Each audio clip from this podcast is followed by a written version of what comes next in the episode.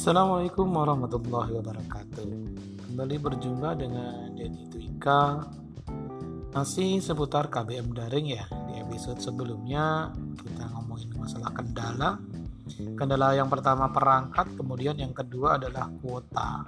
Nah yang ketiga ini adalah pendampingan orang tua.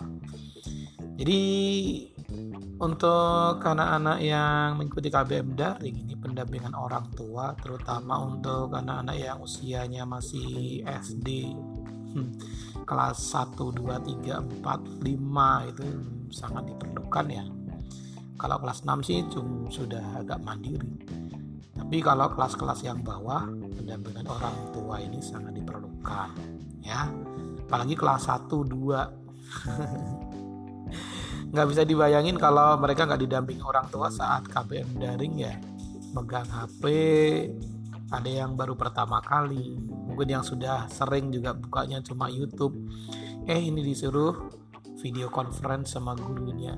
Mungkin ya malah jumpalitan ke sana kemari malah teriak-teriak nyanyi-nyanyi sendiri gitu ya. Ya namanya juga anak-anak ya. Nah ini bikin gurunya mungkin sedikit kewalahan ya, kerepotan, pusing juga kalau begitu. Nah makanya di kelas 1, 2, 3, 4 ini mungkin juga butuh pendampingan orang tua. Bukan berarti untuk kelas 6 dan selanjutnya di SMP dan SMA nggak butuh. Butuh cuma caranya yang lainnya. Kalau kelas 6 SMP SMA mungkin pendampingannya hanya sebatas mengingatkan bahwa uh, penggunaan HP ini harus lebih bijak tidak boleh berlebihan misalnya untuk kegiatan belajar saja dan lain sebagainya. Tapi untuk kelas 1 2 kan membutuhkan uh, pendampingan orang tua untuk membuat anak-anak itu paham mengerti bahwa mereka sedang menghadapi gurunya. Mereka sedang diberikan ilmu mereka sedang bersekolah ini yang agak sulit ya kadang anak-anak punya pikiran juga sekolah kok di rumah? Ya lucu-lucu gitu juga ya.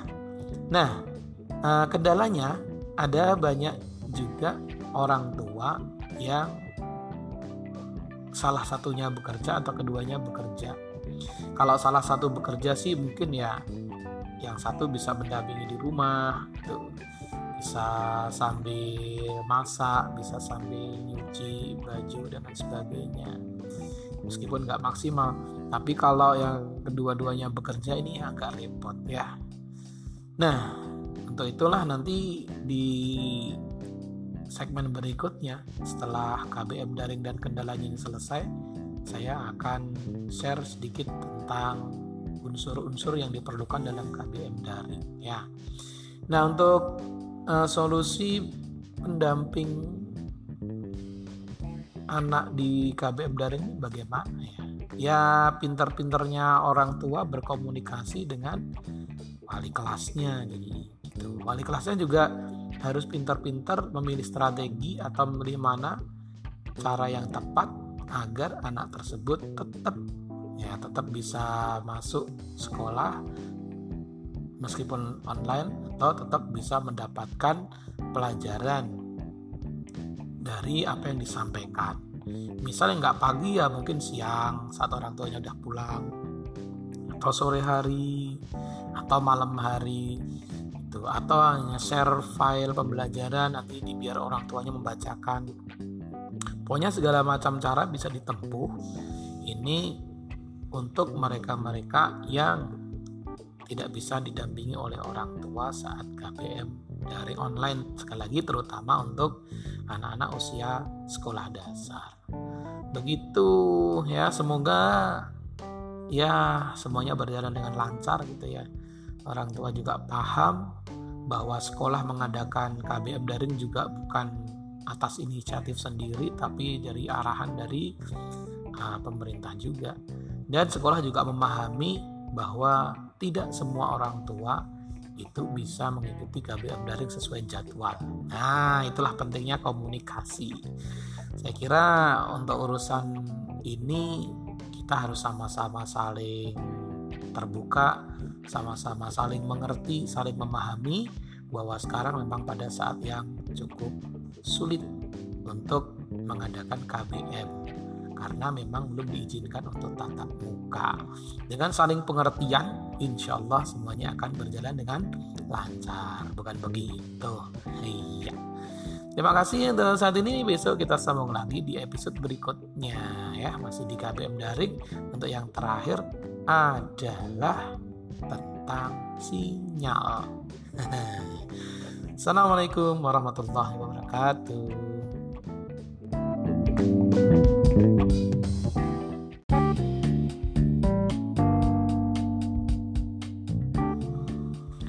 Assalamualaikum warahmatullahi wabarakatuh.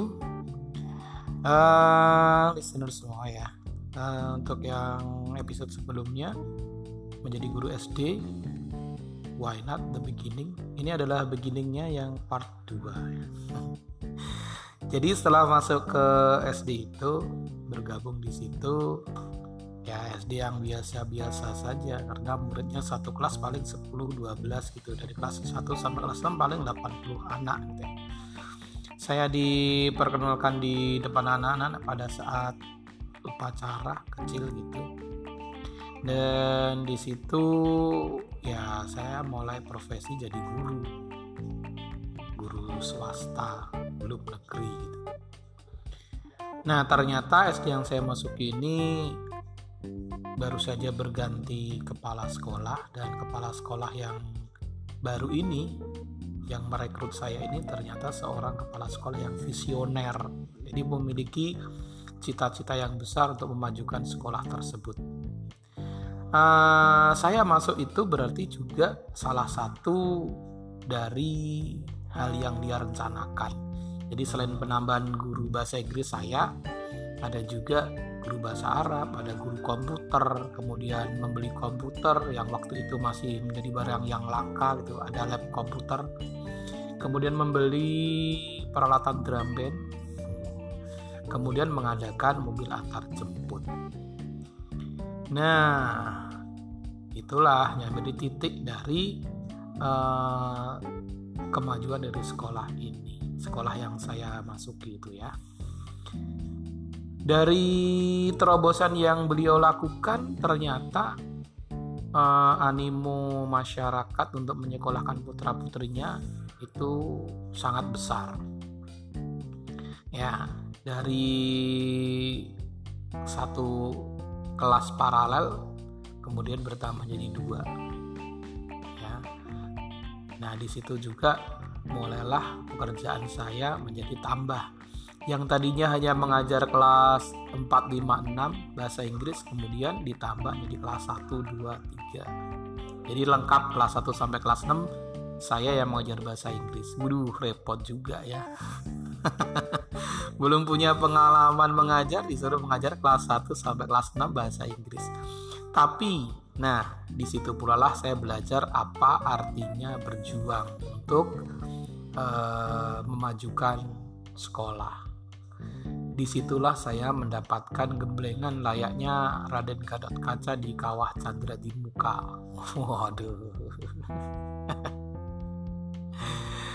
ya bagi saya itu sangat berarti ya. E, kalau nggak salah sih pernah juga ya nyari-nyari batu gitu. Kalau mau pulang sekolah waktu itu bikin bataku harus bikin bataku kata pak kepala sekolah. 10 baru boleh pulang bagi saya yang nggak pernah bekerja kayak gituan ya uh, dianggap nggak bisa. Paling bikin tiga udah. Udah. Pak ini nggak bisa bikin batak udah pulang saja. Ya alhamdulillah gitu. Pernah juga ngangkut-angkut kayu pohon kelapa dari tengah sawah sampai ke tempat angkutan. Ya semuanya itu untuk memajukan sekolah membangun kelas yang tadinya belum ada jadi ada tentu saja dengan bantuan dan arahan juga dari pengurus sekolah. Nah, mulailah juga saya harus full di sekolah itu. Kalau dulu kan waktu pertama masuk saya hanya tiga hari ya, yang tiga hari free. Kemudian saya ambil untuk mengajar di sekolah lain. Tapi begitu sekolah ini berkembang, kemudian jadi tiga kelas, itu saya sudah mulai full di sekolah ini. Banyak hal yang bisa saya dapat dan alhamdulillah juga banyak hal yang bisa saya berikan. Ya dari situ saya belajar untuk mengadakan acara-acara yang belum pernah ada. Kemudian bagaimana mengkoordinasi sebuah gagasan dan akhirnya terrealisir gitu. Semua tidak lepas dari uh, apa yang saya dapatkan dari bapak kepala sekolah yang uh, visioner itu. Nah bagaimana kelanjutannya?